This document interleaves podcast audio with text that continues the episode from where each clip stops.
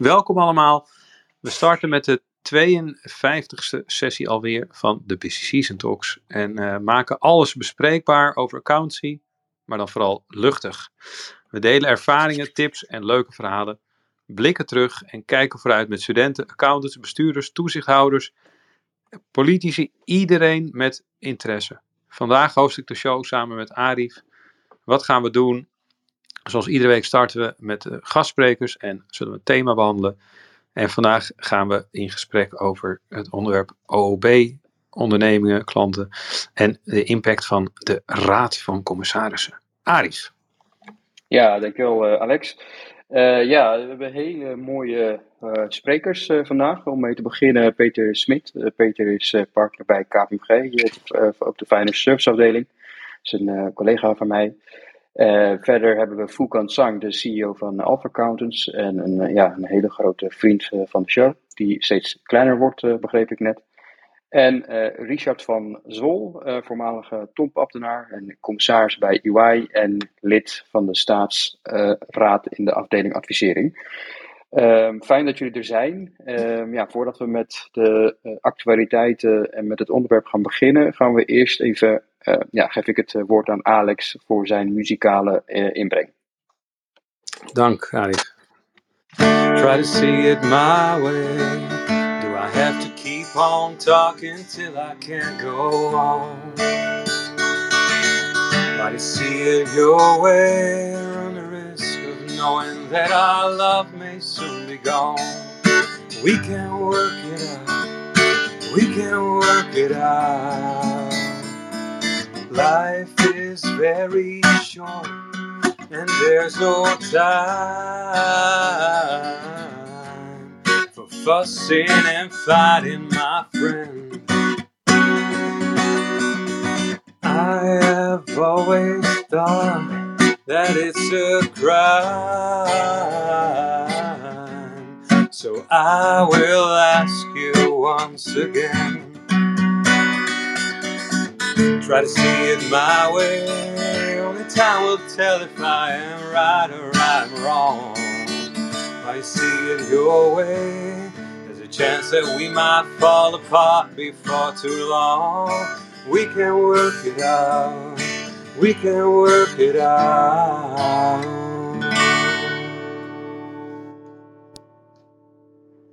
Wauw. Alex, geweldig, geweldig. Uh, van, van, wie is dit en, en, waarom heb je hiervan gekozen?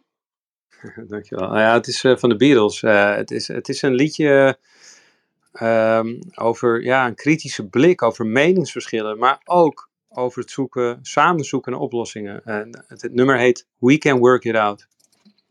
Oké, okay, Alex, ik had ook gevraagd van John, John Mayer om iets van John Mayer te zingen, maar dat ja, John, je vroeg om John Mayer inderdaad. En, en, en ik begrijp dat Peter daar een fan van is. Klopt dat, Peter?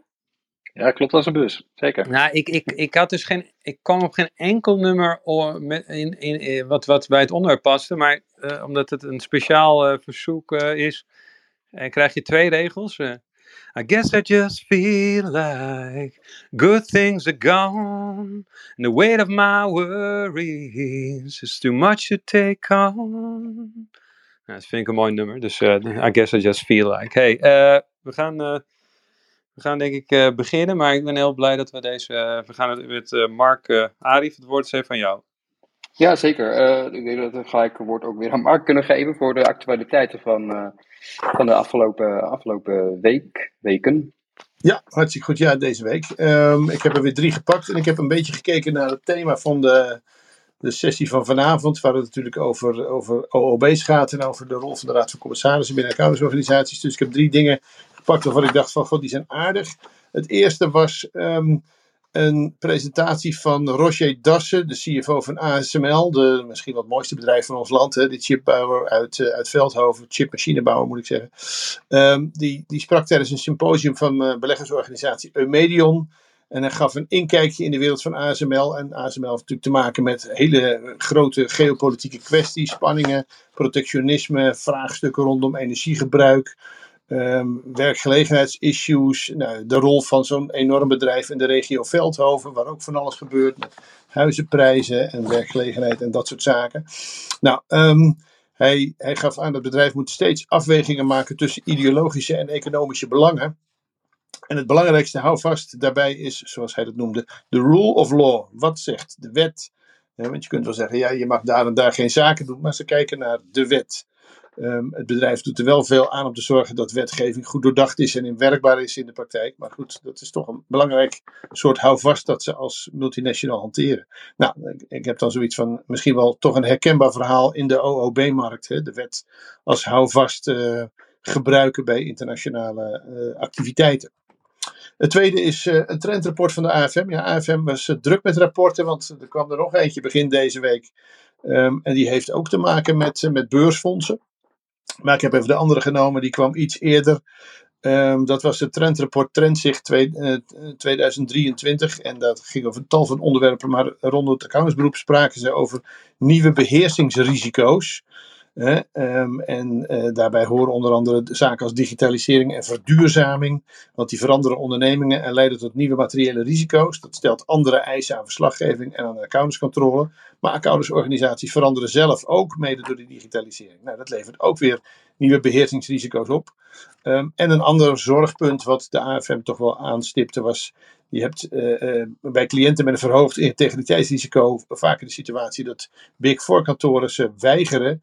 En dan komen ze vervolgens terecht bij kleinere accountantsorganisaties, waar de AFM weer minder zicht op heeft. Nou, um, en nou ja, dat lijkt me ook wel best een punt voor de discussie over de Raad van Commissarissen van accountantskantoren. Um, en de derde, nou ja, het is een beetje prijzenseizoen. Uh, dit, de, de novembermaand wordt er toch heel wat aan prijzen gedaan. Um, en uh, de ING-groep die won de Henri Seithoff-prijs bij de AEX-fondsen. Dat is de, de, de, prijs voor de beste verslaggeving, uh, gereikt door het FD. Andere winnaars waren bouwconcern Alberts en de Nederlandse Spoorwegen. Um, en er waren wel meer prijzen, inderdaad. John van de Heuvel die won de Antifraude Award van het Fraude Filmfestival. En Jumbo kreeg de prijs van IIA en Protivity voor innovatie in internal audit. Nou, de wonderen zijn de wereld niet uit, hè? ondanks de week van tonnen cash bij Topman van Eert en een ongepaste WK-commercial gaat zo'n bedrijf toch met een prijs naar huis. Dat is toch wel opvallend. Uh, maar even nog over die Seidhoff-prijs.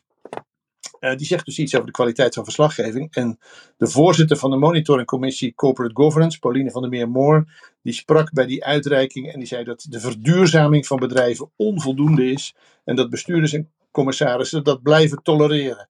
Nou, daarbij maakte ze nog een, een, een uh, vergelijking. We zijn kikkers in het kokende water. Dat zijn ze in haar speech. Ik weet niet precies hoe ze dat bedoelt. Volgens mij is de theorie dat uh, kikkers, uh, als je ze in koud water doet en, en, het water wordt langzamerhand warmer, dat ze er dan niet uitklimmen en uiteindelijk gekookt worden. Maar volgens mij klopt die theorie voor geen stuiver en klimmen ze er wel degelijk uit. Maar goed, het had in ieder geval een functie. Dus ook dit is weer als vraag: is het herkenbaar dat punt van ja, verduurzaming van bedrijven onvoldoende en bestuurders en commissarissen tolereren dat nog te veel? Nou, dat waren mijn drie punten voor deze week.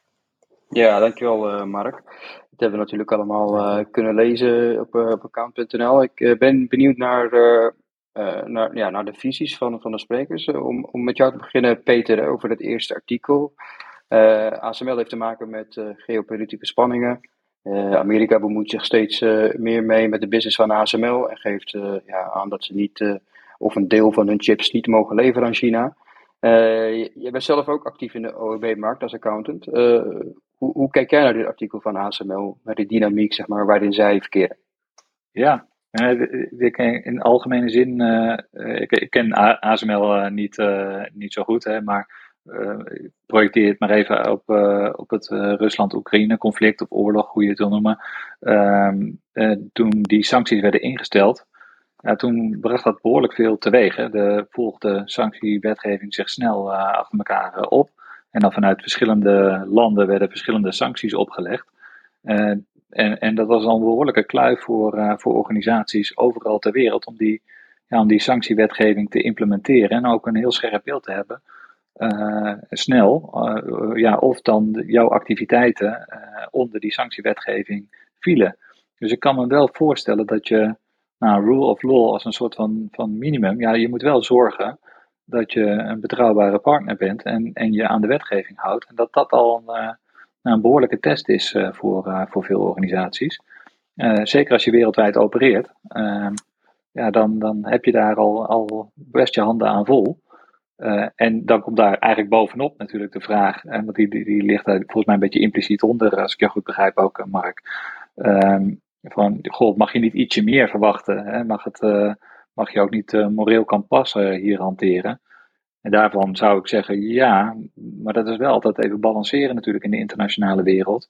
Tussen engagement, hè, dus hou, ja, blijf je in gesprek, of, of uitsluiten. Veel meer opties heb je vaak niet als je zaken wil blijven doen in het internationale verkeer. dus ja, het begint bij je aan de wet houden. En daarna is, is de vraag hoe je op een, de meest effectieve wijze uh, dat gesprek kunt, uh, kunt voeren en, en tegelijkertijd ook je bedrijf kunt, uh, kunt blijven voeren. Herkenbaar vraagstuk. Ja, ja, duidelijk hoor. Het is altijd wel, ja, het zijn geen makkelijke kwesties denk ik om, om ermee te dienen, maar ehm, ja, duidelijk verhaal. Um, ja, en dan over het tweede artikel, uh, Foek. Um, uh, een vraag aan jou. Uh, AFM heeft in haar trendrapport aangegeven dat er sprake is van nieuwe materiële beheersingsrisico's, zowel voor accountsorganisaties als voor, de, voor haar klanten. En dat gaat over digitalisering en verduurzaming. Ik denk twee onderwerpen waar jouw hart sneller van klopt. Ja. Hoe, hoe kijk jij naar deze risico's? Nou ja, ik denk dat de AFM daar wel gelijk in heeft. Kijk, even, we zien allemaal dat, uh, en dat wordt steeds duidelijker natuurlijk, hè, dat duurzaamheid echt een impact gaat hebben op de continuïteit van ondernemingen. Hè, en de, nou ja, de, kop is ook weer begonnen in Egypte, dus hè, de komende weken zullen we daar uh, nog veel meer over horen. Maar we zien gewoon dat dat nou ja, substantieel invloed gaat hebben. En ik zou ook zeggen, de, donkere kant van IT. Enerzijds door IT wordt het steeds complexer. Toevallig keek ik van de week, uh, en jij gaat wat anders doen als je vrouw Netflix zit te kijken, maar ik keek toevallig een stukje van de documentaire over uh, Netwire, zeg ik even uit mijn hoofd, of dat, Duitse, dat Duitse bedrijf waar die fraude was geconstateerd. Ja. dit fintech bedrijf. Ja, dat is, was natuurlijk ook een heel technisch bedrijf, dat heel lang nou, heel veel fraude heeft kunnen plegen, omdat eigenlijk niemand goed snapte wat ze nou eigenlijk werkelijk deden. Dat is dan een beetje de afdronk.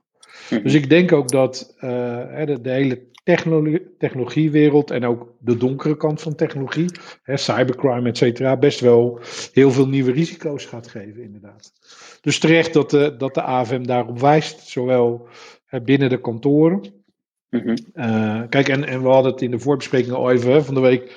Uh, ik begreep 700 luisteraars alleen al uh, live naar, de, hè, naar de, de, het webinar over CSRD. Dus dat speelt enorm in, in ons vak. Maar uh, daar hebben we ook nog wel een stukje achterstand in kennis uh, weg te werken. Dus ja, uitdagingen genoeg voor ons als beroep. Zeker. Dus ja, net is ook denk ik de taak van AFM natuurlijk om, uh, als ze dit identificeren, en hierop wijzen. Dus, ja. maar, maar, het tweede deel hè, van waar Mark het over had, hè, dus dat, dat er ook dus uiteindelijk klanten worden geweigerd bij de Big Four en uiteindelijk bij kleine kantoren terecht komen. Ja, ik denk, ik denk dat dat een, op heeft. Ja, ik denk dat dat, uh, dat, dat zeker een risico is. Uh, hè, voor kleinere kantoren die ineens een hele interessante klant voorbij zien komen, misschien wel. Maar zich soms dan misschien niet genoeg bewust zijn van ook wel de risico's die zo'n grote klant met zich meebrengt. Hè. En dat is, dat is denk ik een van de gevaren voor de kleinere kantoren. Hè. We zien dat, nou ja, laten we zeggen, bij de Big Four gaat er aan de onderkant steeds meer vanaf. Maar de vraag is wel, is, is, zijn de kantoren die daaronder uh, opereren, zijn die echt in staat om uh, de complexiteit van dat soort klanten te beheersen? En dan is het natuurlijk ook wel weer heel goed om heel goed collegiaal overleg te hebben. Om ook daadwerkelijk te achterhalen waarom zo'n klant dan natuurlijk niet meer welkom is bij de Big Four. Hè? Was het alleen de declaratiedruk of speelde er nog iets anders? Ja. En daar hebben we in het verleden kantoren zich ook in zien verslikken. laten we daar eerlijk zijn, dat, dat is natuurlijk ook gewoon gebeurd. Ja, uh, duidelijk. Uh, en dan ga ik gelijk, pak hem gelijk door naar de, naar de derde. Uh, Richard, de derde is dan is, is voor jou. de voorzitter van de monitoringcommissie, ik ging even googlen, maar het schijnt ook jouw collega te zijn, denk ik, bij, bij EY in de, in de, in de commissariaat. Uh, zij geeft aan dat verduurzaming uh, van bedrijven onvoldoende is. Uh, en ja, dat vind ik best wel bizar, zeg maar, dat dat het geval is. Ze zegt ook zelfs dat bestuurders en commissarissen dit blijven tolereren.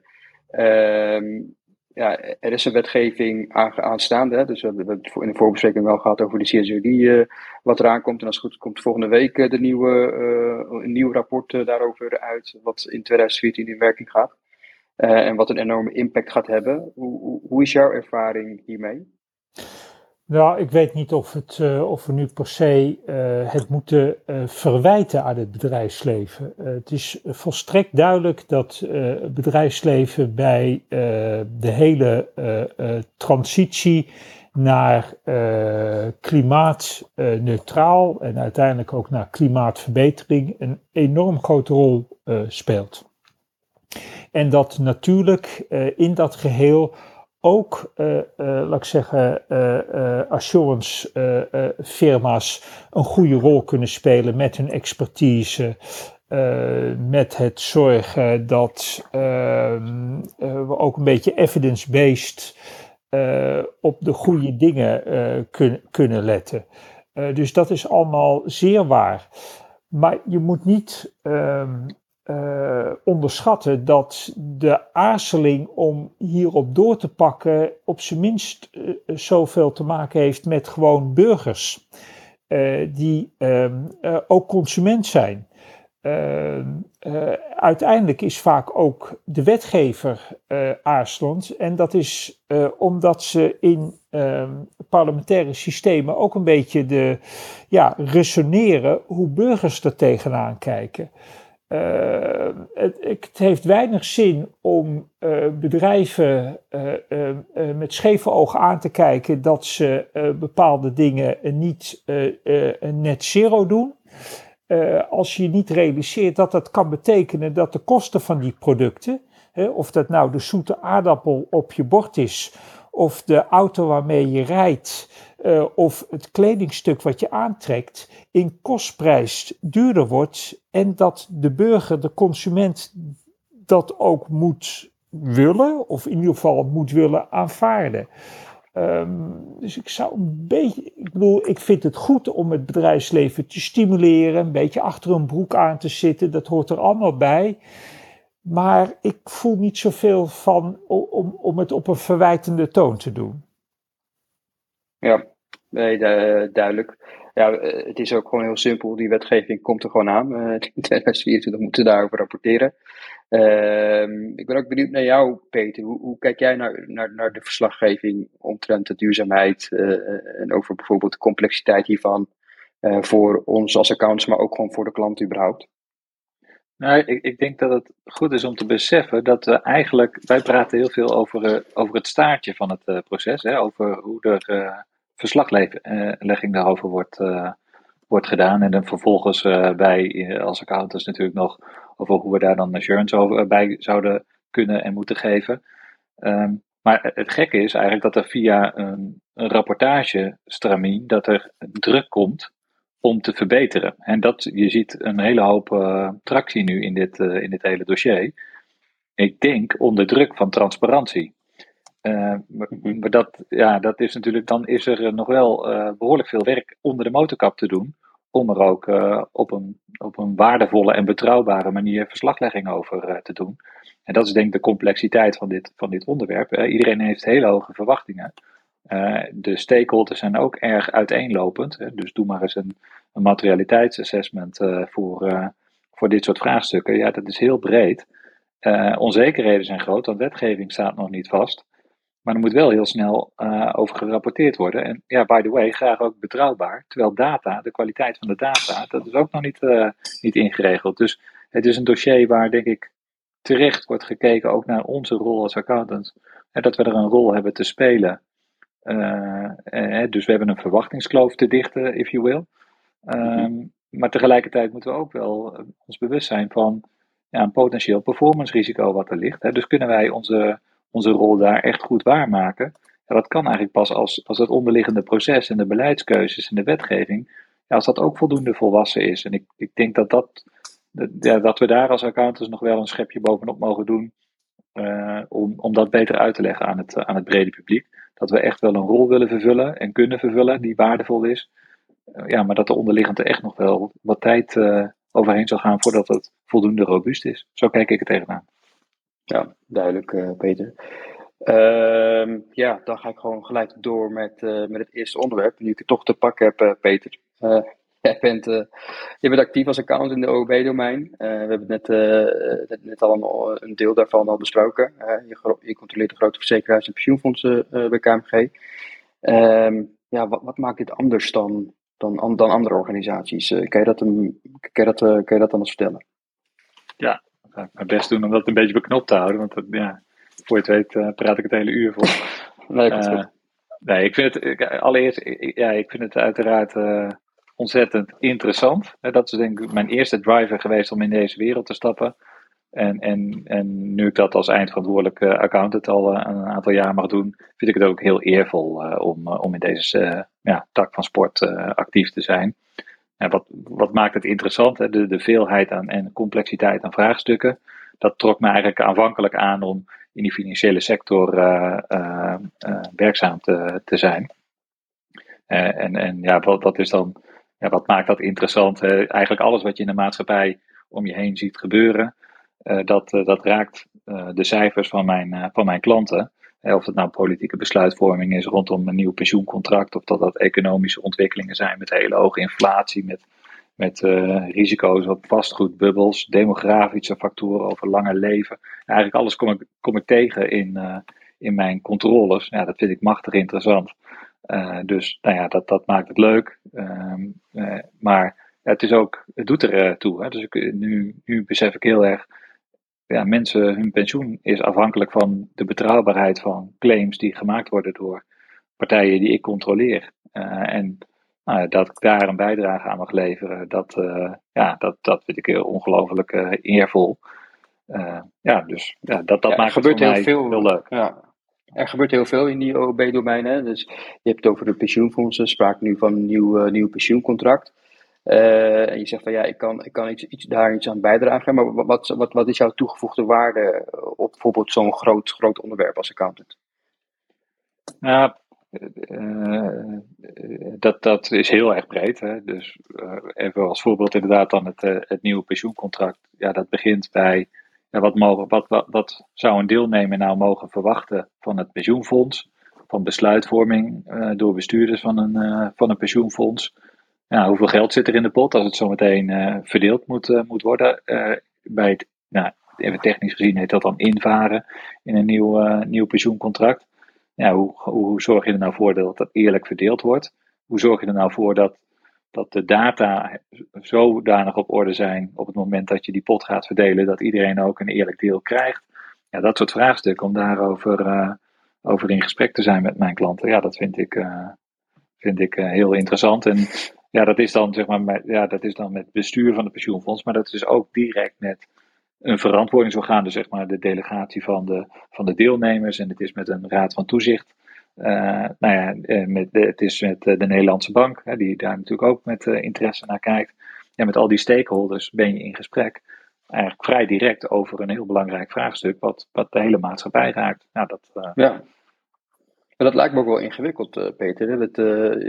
Je, zegt, ja, het doet ertoe en, en je zegt dat, dat de, al die ontwikkelingen die raken direct zeg maar, jouw, uh, of in ieder geval jouw klanten en uiteindelijk ook, ook de mensen. We hebben het net over geopolitieke spanningen gehad. Hè?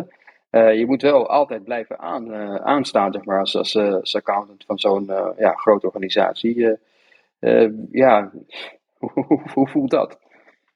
Ja, je moet wel scherp blijven. En het is inhoudelijk scherp en het is scherp als het gaat om verhoudingen in, in de governance ja, daar moet je ook bewust van zijn. Uh, dus uh, een bestuur of, een raad van bestuur versus commissarissen versus aandeelhouders. ja, dat, dat, dat vergt ook wel dat je daar attent op bent. Dus ja, je, moet je moet goed, goed beslagen ten ijs komen als je dit soort controles wil, wil doen. Maar dan is het ook wel, ja, wat ik al aangaf, dan is het ook wel heel interessant. Dus ik haal er veel uit. ik moet er ook veel in, in stoppen. Uh, nou ja, goed, dat is dan de tak van sport waar ik voor heb gekozen. Maar dat maakt het voor mij leuk. Maar het is inderdaad wel. Het belangrijkste is, ja, je moet, je moet dus echt wel scherp zijn en goed voorbereid zijn. En tegelijkertijd, je, ja, je moet je daar ook allemaal niet door laten verlammen. Hè? Dus ja, je kunt ook niet alles weten. En gelukkig hoef ik het ook niet allemaal in mijn eentje te doen. ja, dus ik werk met, met, met goede teams. En als het nou ja, grote internationale klanten zijn, ook nog wereldwijd verspreid. Ik heb een goede ondersteuning vanuit mijn, van mijn eigen netwerkorganisatie, vanuit KPMG. Ja, dat, dat helpt ontzettend. want ja, dit soort controles kun je niet doen met alleen je eigen kennis. Ja. ja. Ja, dat, eh, eens. Ik, ik, ik, ben, ik, ben ik ben ook wel eens betrokken geweest bij, bij grote, grote pensioenfondsen. En ik merkte dat dat best wel uh, dat ook wel ingewikkeld uh, is, de materie. Maar ja, ik uh, weet van, van jou, zeg maar, dat jij dat juist heel erg interessant vindt, de ingewikkelde materie. maar de, de governance, hè, de, we hadden het ook in de voorbespreking al over, bijvoorbeeld dat de governance onder andere heel ingewikkeld kan zijn. En dat je daar ook wel eens, dat je daar ook een leuk voorbeeld van hebt. Kan je dat misschien even, even toelichten, Peter? Ja, het is zeker als het natuurlijk in, in internationale context uh, opererende organisatie zijn, uh, dan ja, uh, ik, ik controleer bij wijze van spreken een Nederlands bedrijf, hè, de moeder in Nederland. Maar die operaties kunnen overal ter wereld zitten. Nou, zeg even operaties in, ergens in Azië. dus wat ik al heb meegemaakt is met de Japanse component auditor. Ja, dan, als er dan wat speelt, dan ben je geneigd om, om hier in Nederland door de Nederlandse ogen naar een vraagstuk te kijken. Eh, maar dat, ja, dat levert niet altijd uh, alle inzichten op. En om het echt goed uh, te begrijpen, moet je er ook met Japanse ogen door kunnen kijken. En die heb ik nou net niet. Maar gelukkig heb ik dan collega's ter plaatse die ik kan bellen. En ja, als het dan echt ingewikkeld is, dan denk ik, nou weet je, dan, dan moet ik er naartoe. Want als het een belangrijk vraagstuk is, dan ga ik er naartoe. Dan heb ik de inzichten van de holding meegekregen hier uit Nederland. Dan vlieg ik naar Japan, dan spreek ik mijn collega's. Dan spreek ik mijn, uh, dan spreek ik het management. Dan spreek ik eventueel nog een toezichthouder uh, daar, daar lokaal. Ja, dan, dan wordt je beeld veel, veel rijker. maar ja, dan moet je wel bewust zijn dat, dat ja, dingen anders gaan in Japan dan in, dan in Nederland. En dan moet je ook even op voorbereiden. Ja. ja. En Peter, om, om, om, om, ja, om ermee af te sluiten, zeg maar, dan naar het volgende onderwerp te gaan. Ehm, ik ben gewoon echt benieuwd ook naar jouw drijfveren. Uh, je hebt het over dat je zeg maar, dus, uh, er wilt toe doen en uh, al deze grote klanten controleert. Terwijl het best wel ingewikkeld en niet, niet, niet, zo makkelijk is. Ik, ik ben benieuwd naar jouw drijfveren. Waarom, waarom sta je elke ochtend op om naar je werk te gaan? Nou ja, wat ik, wat ik al zei, ik, ik zit al 24 jaar in dit, in dit vak. nou, dat doe je niet als je, als je het niet maar een klein beetje leuk vindt. Dus ik vind het echt ontzettend leuk. Uh, en ja, wat mij drijft is uh, zeg maar, inhoudelijke vraagstukken die op je afkomen, de rol die je mag vervullen, de zaken waarover je mag uitspreken, de, de mensen met wie ik in contact kom, uh, de inzichten die me dat weer als, als mens ook geeft, maar ook als professional. Ja, eigenlijk het hele, hele plaatje wat hoort bij, bij ons vak. En dan ja, dat je niet stofzuigers verkoopt, ik zeg het even cru, maar dat je echt iets toevoegt. Hè, dat, nou, dat drijft mij eigenlijk ten diepste. Dus ja. Peter, wat ik wel mooi vind, hè, niet alleen uh, uh, het feit dat je net, je noemde net Japan, ik doe toevallig, controleer veel Japans ondernemen, dus, eh, maar vooral hoe jij praat over ons mooie beroep, dat komt wel echt uit het hart. Dus dank Peter, heel goed. inspirerend. En nou, we gaan even door op Richard. en Richard, je krijgt gelijk een hele lastige vraag, maar de vraag is, want je, zit, je hebt natuurlijk heel veel ervaring ook in de Raad van State. En welke elementen neem je mee in je RVC-rol bij uh, EY? Nou, kijk, bij de Raad van State uh, ben je een soort adviseur, maar ook een beetje de interne toezichthouder op regering en parlement. om te beginnen op het gebied van wetgeving. op een aantal vraagstukken van bestuur en ook wat betreft de overheidsfinanciën.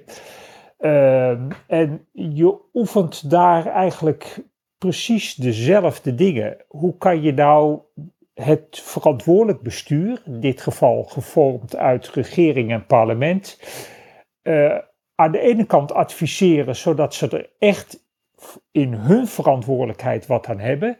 En aan de andere kant, hoe kun je ze een beetje ook als interne toezichthouder af en toe ook een beetje scherp houden. Uh, dus die, die, die verschillende kanten van, van uh, de rollen die je ook in een RVC eh, hebt, zie ik ook in mijn hoofdfunctie. Ja, en in beide situaties, of je nou bij de RVC zit of bij de Raad van State, laat ik zeggen, je hebt natuurlijk een bijzondere verantwoordelijkheid om ook te kijken vanuit het publiek belang. En dan zou je denken van ja, bij een RVC snap ik dat, uh, dat die goed kijkt naar het publiek belang, zeker bij, bij een accountantsorganisatie richting het bestuur. Maar we mogen er toch vanuit gaan dat in het landsbestuur, hè, bij regering en parlement, het publiek belang uh, ook voorop staat. Ja, het staat daar wel voorop, maar ook daar moet, moet je af en toe de dames en heren politici een klein beetje tegen zichzelf in bescherming nemen, dat ze het niet te veel vanuit politieke belangen bekijken in plaats vanuit uh, publieke belangen. Dus ik zie de nodige parallellen. Ja, mooi, mooi. En, en, en ik denk dat dit een mooi bruggetje is naar de vraag die gesteld is in de chat door, uh, door Chibbe, een, uh, iemand die ook altijd uh, veel uh, bezig is met ons mooi beroep. En de vraag luidt: accountantskantoren hebben RVC's, maar zijn geen structuurvennootschappen. Welke risico's zien de sprekers? Nou, de vraag is nu aan jou, Richard. Welke risico's zie je als het echt op de rol van RVC aankomt in een governance conflict of een brede conflict binnen een accountantsorganisatie? Een brede vraag, maar. Nee, uh, maar ik snap onderliggend ook wel dat uh, je in een positie kan komen dat je een verschil van mening hebt of van inzicht hebt, of noem het zelfs een conflict, uh, terwijl je niet op grond van je bevoegdheden iets kan afdwingen. nou is dat in die end natuurlijk altijd in of dat nou RVC-achtige rollen is of Raad van State-achtige rollen. Ik bedoel, uh, daar moet je inherent altijd mee kunnen werken. Uh, en dan is het natuurlijk altijd een verschil tussen wat je formele bevoegdheden zijn en wat je materieel kan bereiken. En als het puntje bij paaltje komt, is het voor een bestuur, uh, in dit geval zou dat een RV, RVB van een uh, uh, accountantsorganisatie kunnen zijn, natuurlijk altijd wel echt vervelend als een RVC zegt, ja maar dit aanvaarden we niet, formeel gaan we er niet over, maar we maken volstrekt helder dat we dit niet aanvaardbaar achten. Ik bedoel, dan hebben ze echt wel een probleem. Uh, en mochten ze dat niet willen beseffen, dan helpt de externe toezichthouder, de AFM, nog wel om het bestuur van het probleem te doordringen. Maar, dus in zekere zin maak ik me daar niet zoveel zorgen om als er echt een conflict is. Hmm. Uh, want dan gaat het niet om de formele bevoegdheden. Ik maak me eigenlijk, uh, vind ik een ander punt, niet dat ik me er direct zorgen om maak, maar in potentie risicovoller. Even naar de vraagsteller uh, terug, want ja, hij heeft gelijk. Uh, uh, het is natuurlijk ehm, bij, ehm, eh, bij de, de governance bij een accountantsorganisatie en zeker bij een partnerorganisatie is in zekere zin ook complexer uh, ambiguer uh, dan uh, dat van menig structuurvernootschap. Dus ik zie eerder dat de RVC bij accountantsorganisaties die partnerorganisaties zijn, alert moet zijn dat ze niet als het ware onbedoeld een beetje de weg kwijtraakt in uh, uh, de onduidelijkheden van de structuur, dan dat ik mij grote zorgen maak in het geval er echt een conflict zou zijn. Hmm. Oké, okay, nou dit is een hele mooie. Je, je, het, is, het, het leuke is dat je gaandeweg het antwoord zelf. Ik hoef bijna niks te doen, zelf de vragen bedenkt en dan het ook oppakt. Dat is wel echt heel, heel fijn voor een host. Um, en, en, en als ik daarop door, door mag vragen, uh, Welke, welke impact, Richard, want heel eerlijk, er wordt wel eens gezegd, uh, je hoort wel eens van ja, maar welke impact maakt de raad van commissaris nou echt op de werkvloer? Dat is een lastige vraag hè? en het is ook helemaal niet zo makkelijk. Maar zou je daarop willen of kunnen antwoorden? Ja, ja, natuurlijk. Nee, het antwoord is eigenlijk vrij helder. Ik, de impact op de werkvloer is denk ik uh, in directe zin uh, geheel afwezig. Uh, kijk, je moet je voorstellen als we het nou hebben over EY Nederland met 5000 mensen, met verschillende service lines. Uh, natuurlijk met een zeker accent op, uh, op de assurance, maar uh, dat is lang niet het enige. dan moet je niet het idee hebben dat je op de werkvloer van 5000 man directe impact heeft, hebt. Dat wil niet zeggen, begrijp me niet verkeerd, dat je niet, laat ik zeggen, de werkvloer ontmoet. Uh, uh, door werkbezoeken, door de youngboards, door de ondernemingsraden, maar ook omdat je natuurlijk vaak met bestuurders praat in aanwezigheid van, laat ik zeggen, uh, medewerkers. en dat geldt in het bijzonder bijvoorbeeld voor de medewerkers die te maken hebben met de quality organisatie, met de financiële functie, met legal, met HRM. dus je ontmoet best de nodige werkvloer, maar in, in generieke zin impact op de werkvloer, uh, uh, uh, dat is er niet. Je moet impact hebben op het bestuur. Dat is heel belangrijk. En dan hoop je dat de impact op het bestuur een goede doorwerking heeft van de impact van het bestuur op de werkvloer. Zo moet het gaan. Maak ik, één, maak ik één bijzondere opmerking. Ik vind het nog net iets, uh, wel een extra uh, dimensie zitten bij partnerorganisaties.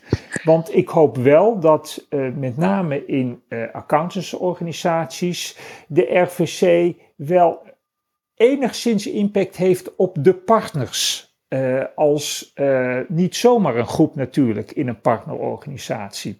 Uh, dus die ambitie heb ik wel degelijk.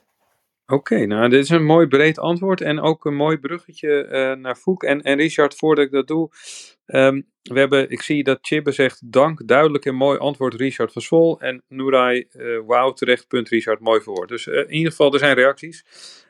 Foek, um, Jij uh, wilde volgens mij nog reageren op de vraag van Chibbe. Ja, klopt wel. Kijk, Chibbe doet de stelling van, uh, zij geven structuurvennootschappen. Ik had het ook al even in de chat gezegd.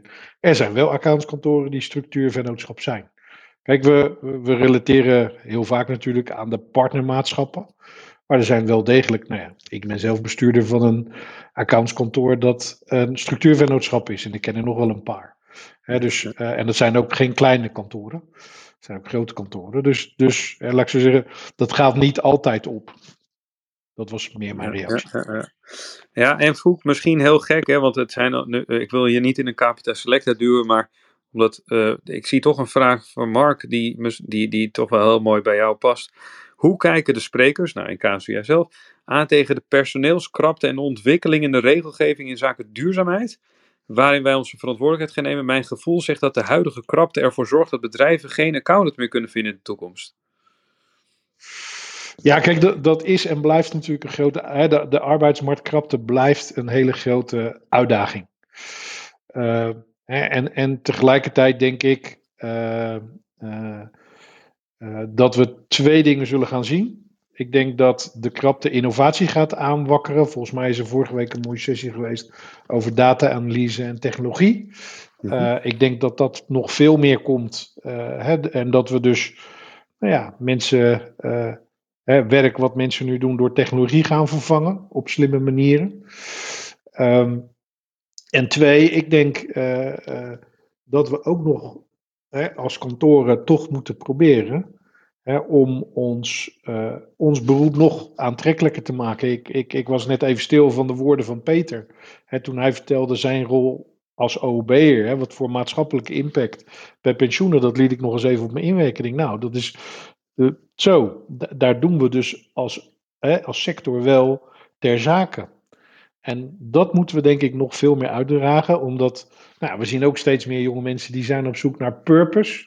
Ja, en ik blijf erbij dat accountskantoren als geen ander een hele mooie purpose hebben. Dus laten we ook nog steeds proberen om jonge mensen het te binden aan ons beroep.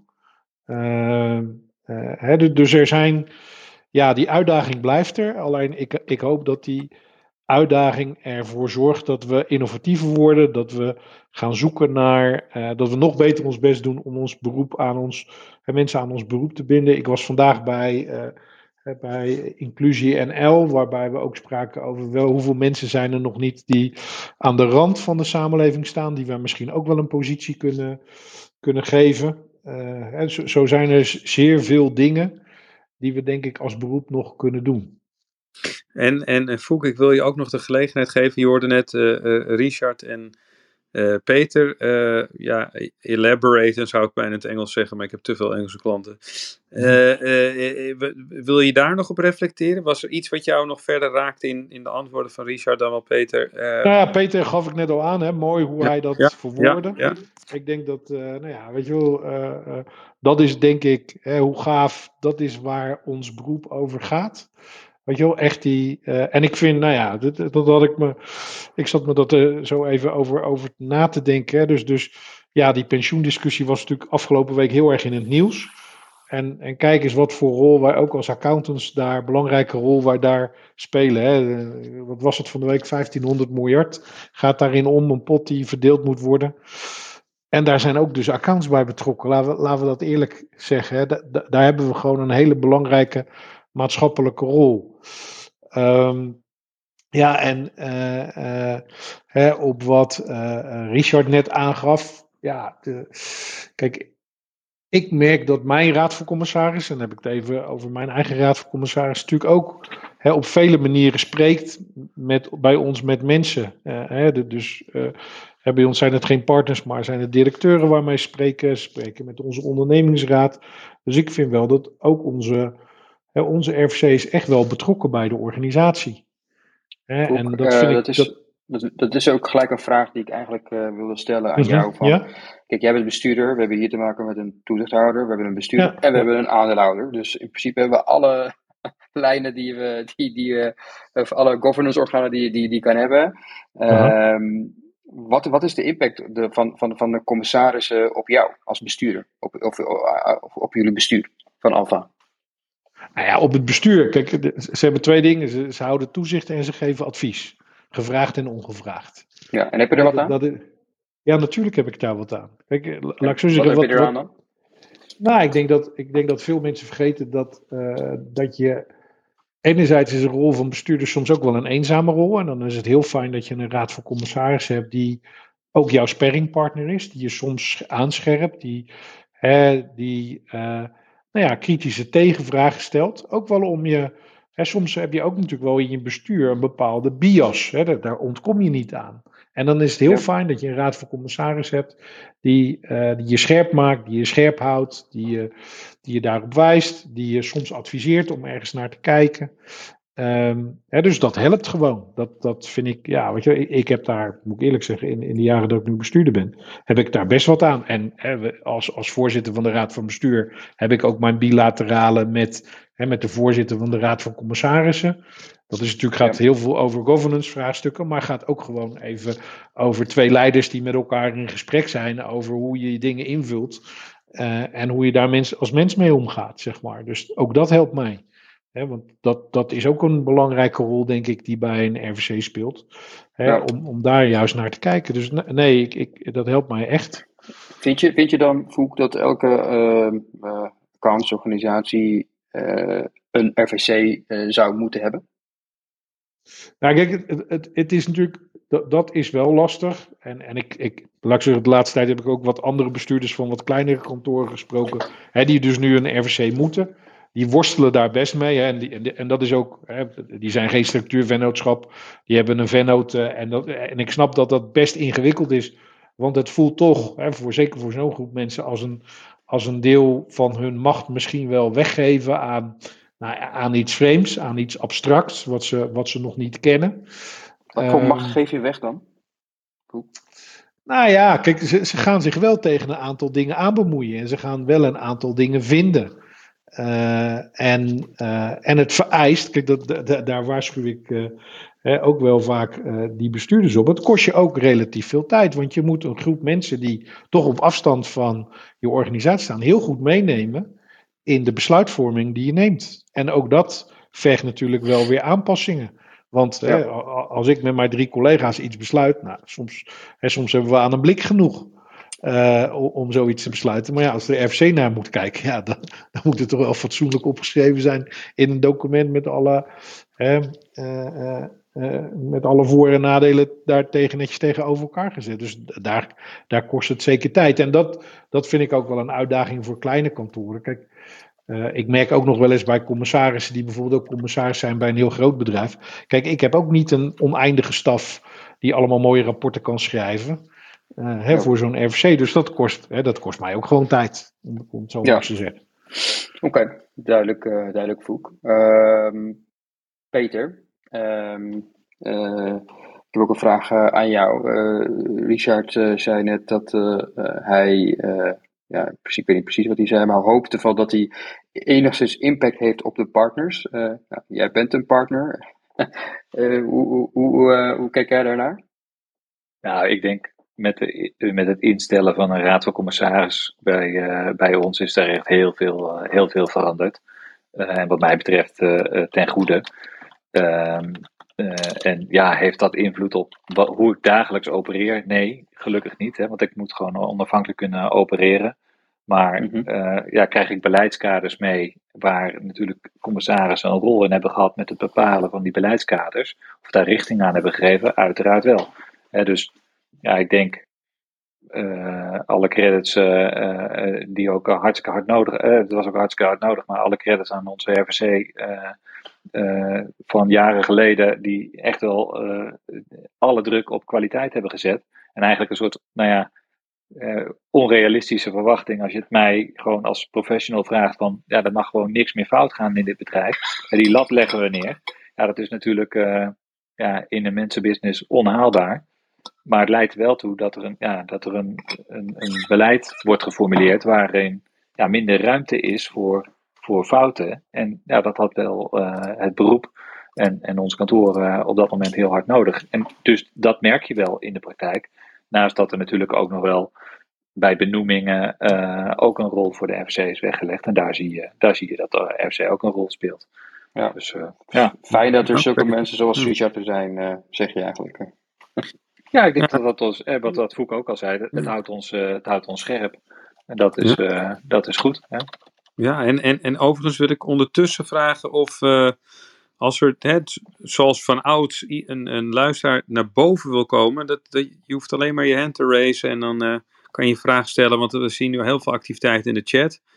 ook wat vragen die misschien iets minder direct ingaan op het onderwerp OB-klant en Impact FC, maar uh, voel je vrij om uh, een handraise te doen, zodat, we, ja, zodat je rechtstreeks de vraag aan de, een van de sprekers kan stellen. Dus dat even gezegd hebben. Um, Richard, mag ik jou vragen of je een, en dit is een beetje een gekke vraag misschien, maar uh, om de luisteraars ook te prikkelen, een korte anekdote hebt van een, van, en het kan ook heel ver teruggaan, hè, dat het niet herleidbaar is naar een firma of iets, maar in jouw uh, carrière, uh, waar, waar, je dus be, ja, in een soort conflict zat en dat je dacht van ja, nou, daar kunnen misschien luisteraars van leren. Ja, een, of, een, moeilijke situatie, het hoeft niet eens een conflict te zijn. Uh, en dan hoeft dat niet specifiek te liggen in de RVC-rol? Nee, ja, nee, klopt. Het, ik stel hem bewust heel breed, omdat als ik hem nu helemaal ga inkaderen, ja. dan, ja, dan blijft het, is het heel moeilijk. Maar jij bent echt een ervaren uh, man, collega.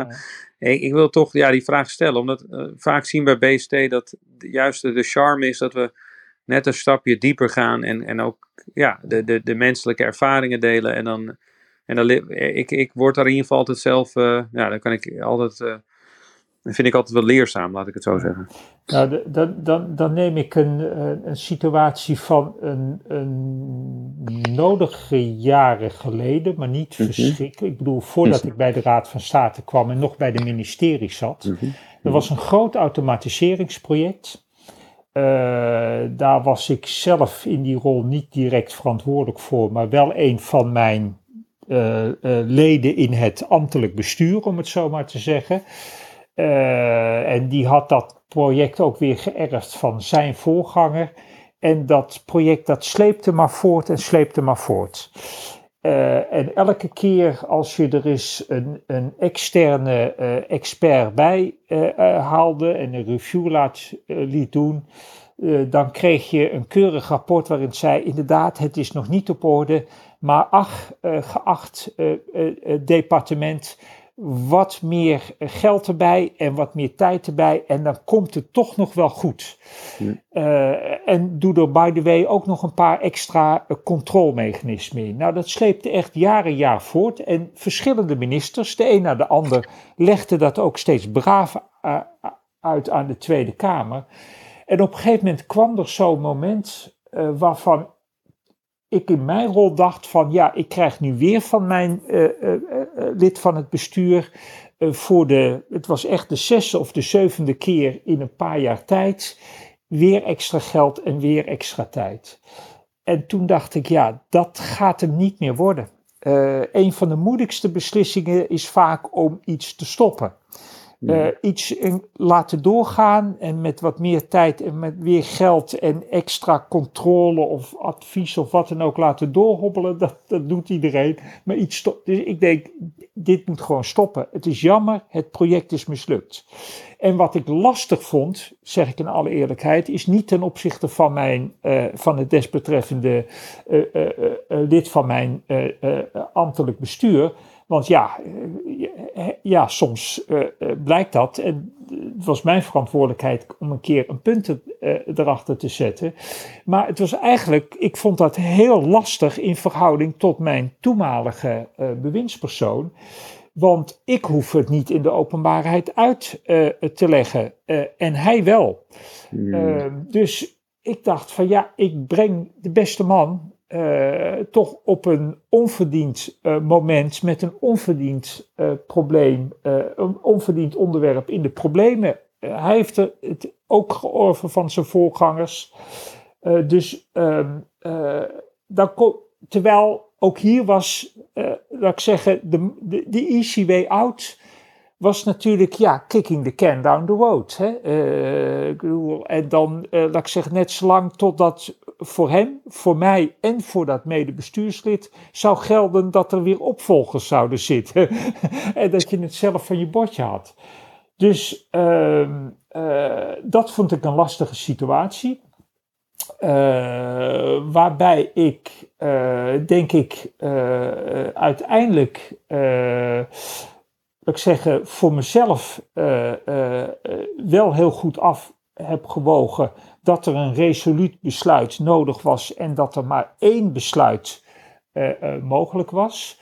Maar vervolgens dat heel erg goed met de betrokkenen heb doorgenomen. Ehm, dus soms heb ik daarvan geleerd, en ik heb nog wel een paar voorbeelden als het nodig is, dat je je als uh, eindverantwoordelijke uh, in een positie moet brengen dat je een besluit neemt waarbij er eigenlijk geen weg terug is.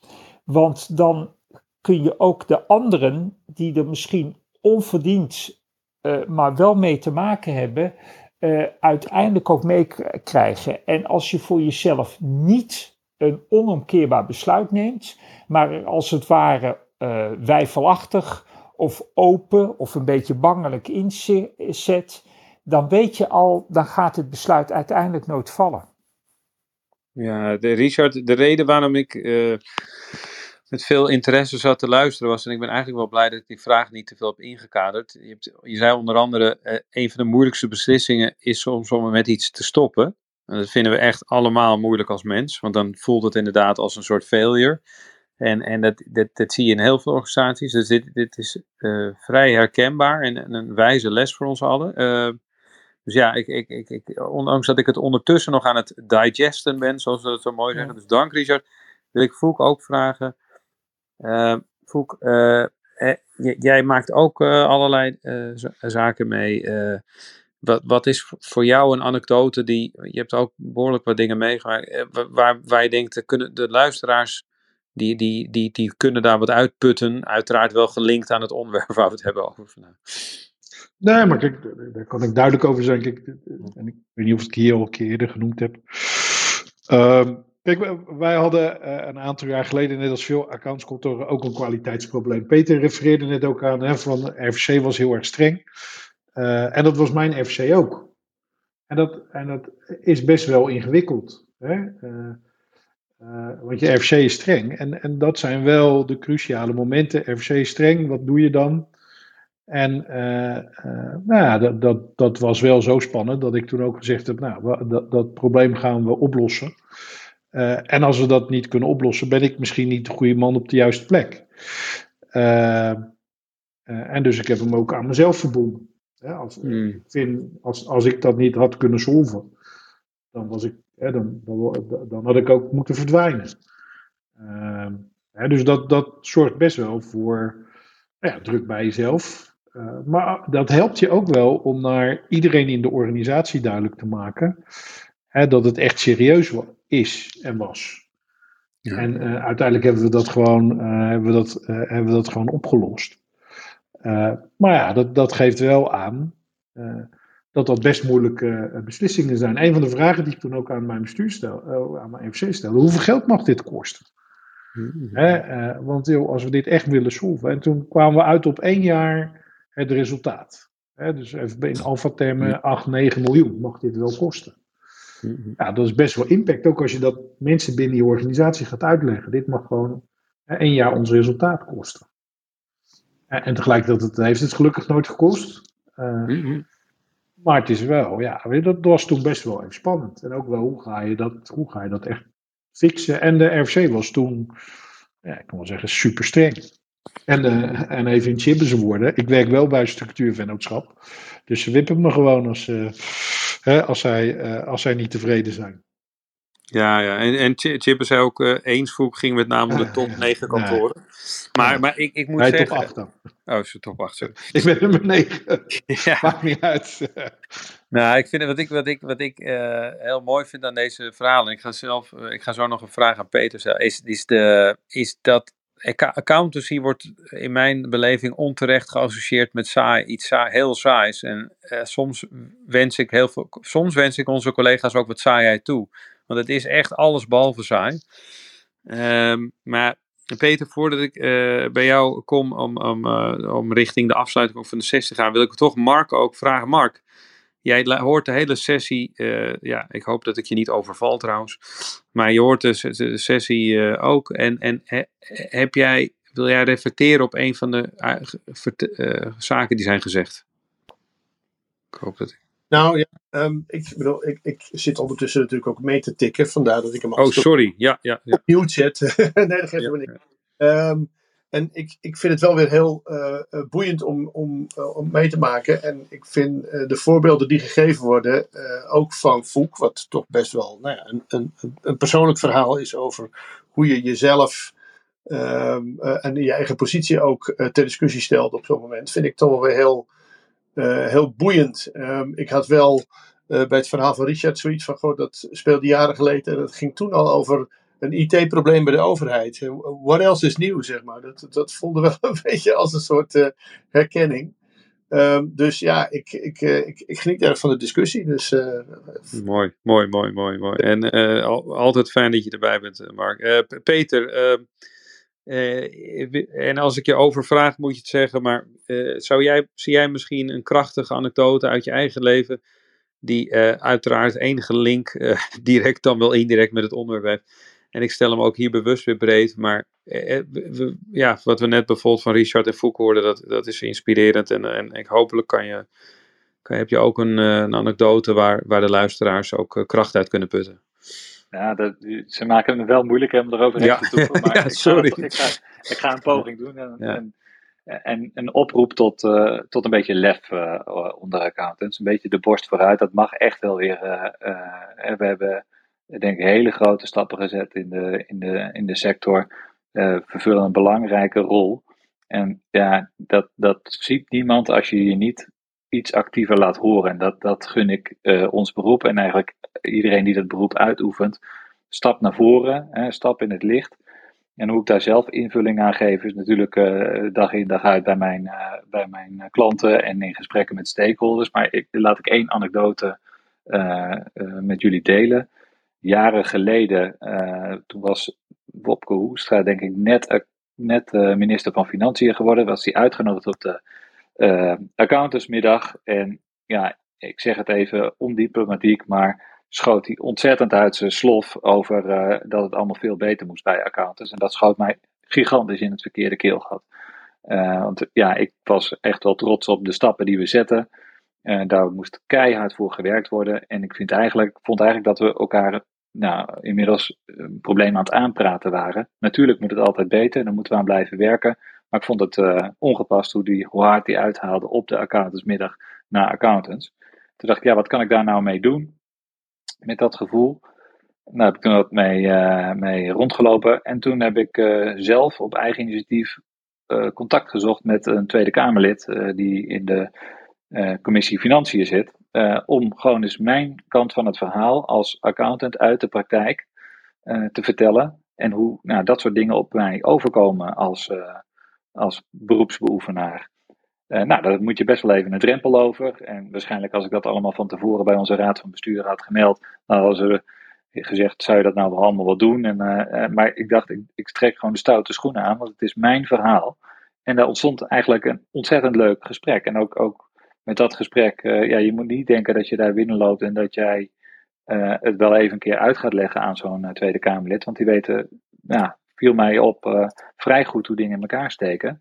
Maar het gaf me wel de gelegenheid om rechtstreeks met iemand die over onze wetgeving gaat uh, te spreken. Uh, en ja, het scherpte mij ook weer in, in, ja, in inzichten ja, hoe daar dan politiek mee, uh, mee om wordt, wordt gegaan. Ja, ja, dus, Peter, ik vind het heel goed dat je het zegt. Want ehm, ehm, ja, en uh, natuurlijk kunnen we niet allemaal op het veld staan, maar ik vind dat we soms als accountants, dat er misschien uh, ja, nog een, groot, een grotere groep op het veld kan staan. En, en, en ik vind het, en, en dat we dus echt de, de, de dialoog niet uit de weg gaan of, of aan de zijlijn denken van wat is dit. Ik ben echt heel blij dat je het zegt en laten we nou toevallig een van de mensen die, die uh, een, een levend voorbeeld daarvan is, die zich nu super ongemakkelijk gaat voelen, want er is niet scripted maar uh, ja, je weet dat Hakan en Arif uit het niets uh, zijn begonnen met Biz Season Talks. Uh, en, en ja, die, die, die, die maken letterlijk alles bespreekbaar. Dankzij hun hebben we sessies gehad over met de accountantskamer, met de AFM, met de kwartiermakers, met het gezelschap hier in deze zaal. En vele andere, die ik allemaal ja, vergeet bijna, zullen we maar zeggen. Maar echt al 52 sessies. En, en, en, en, en dat vind ik, vind ik zo mooi. En ik gun ik echt alle vakgenoten. Maar voordat Arif gek wordt van me en ja. denkt van hou op, hou op, Arif. Uh, is, Op zich ook wel van ongemakkelijkheden, maar uh, dit is... Uh, ja. ik denk dat het tijd is, Alex. Ik, ja. ik heb tegen mijn vrouw gezegd dat ze om negen uur naar haar vriendin komt. Dus ik heb geen toezicht, zeg maar, hè, als, om in termen van van vandaag te blijven geen toezicht op de, op de kinderen. Dus ik moet even zo naar, zo naar beneden. uh, ik wil uh, iedereen nog even de gelegenheid geven om, nog, uh, om de sessie af te sluiten. En uh, misschien om met jou te beginnen, Foek. Ehm, wat ik sowieso over jou wil zeggen is, we nodigen jou natuurlijk heel vaker uit. dat is niks voor niks. Ik vind jou echt een hele moderne leider met een, met een visie en, en ja, die zich kwetsbaar opstelt. Dus met deze leuke woorden, heb jij nog iets te zeggen over de, over de sessie van vandaag? Ja, laat je me gelijk blozen, maar dat kunnen we niet zien. uh, nee, ik vond het een mooie sessie, weet je wel. En ook weer nieuwe inzichten. En ook, uh, nou ja, uh, iedereen, en, en joh, nodig alsjeblieft ook veel andere mensen uit. Want er zijn veel meer andere mensen met mooie verhalen, denk ik.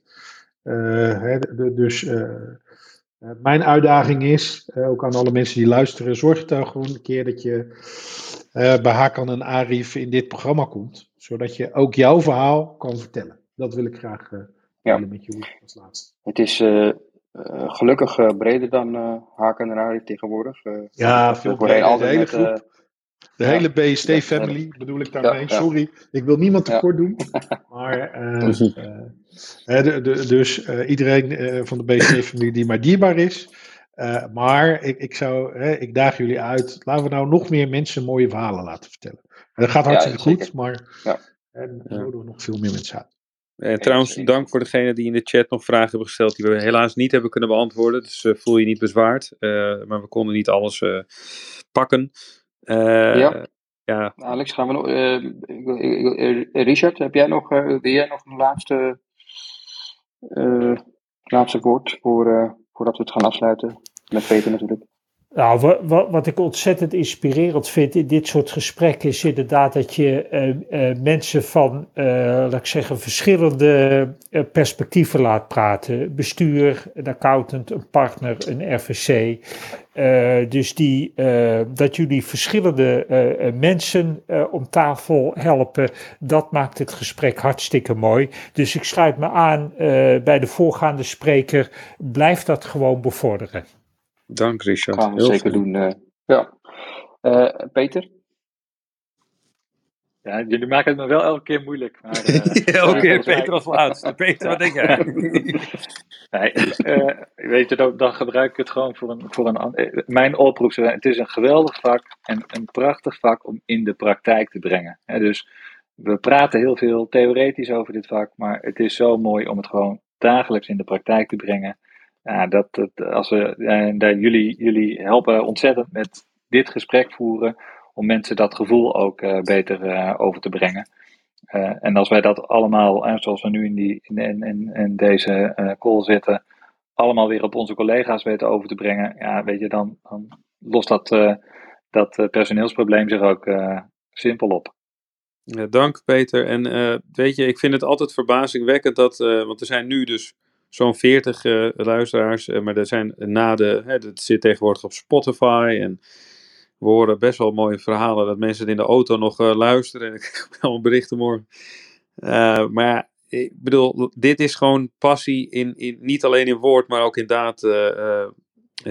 mannen, ja, dit zijn nu in dit geval mannen die bovenin de lijst staan. En en we hebben gewoon eh, om vijf over negen nog dit gesprek lopen. We zijn die enorm dankbaar, wat bijzonder. En ook heel fijn dat er zoveel, eh, ja, eh, in de chat zoveel activiteiten zijn. Eh, ja, we, we, zijn gezegend. Laten we daar ook gewoon heel erg blij mee zijn dat dit gewoon kan. En, en, en op zo'n manier. Ik heb allemaal dingen opgeschreven ook. Ik heb ook de boekentips opgeschreven. Dus er is weer van alles eh, genoteerd eh, en we, daar kunnen we wat mee. Super bedankt, allen. Ook de luisteraars. En een heel fijn vervolg van de avond. Take care, everybody.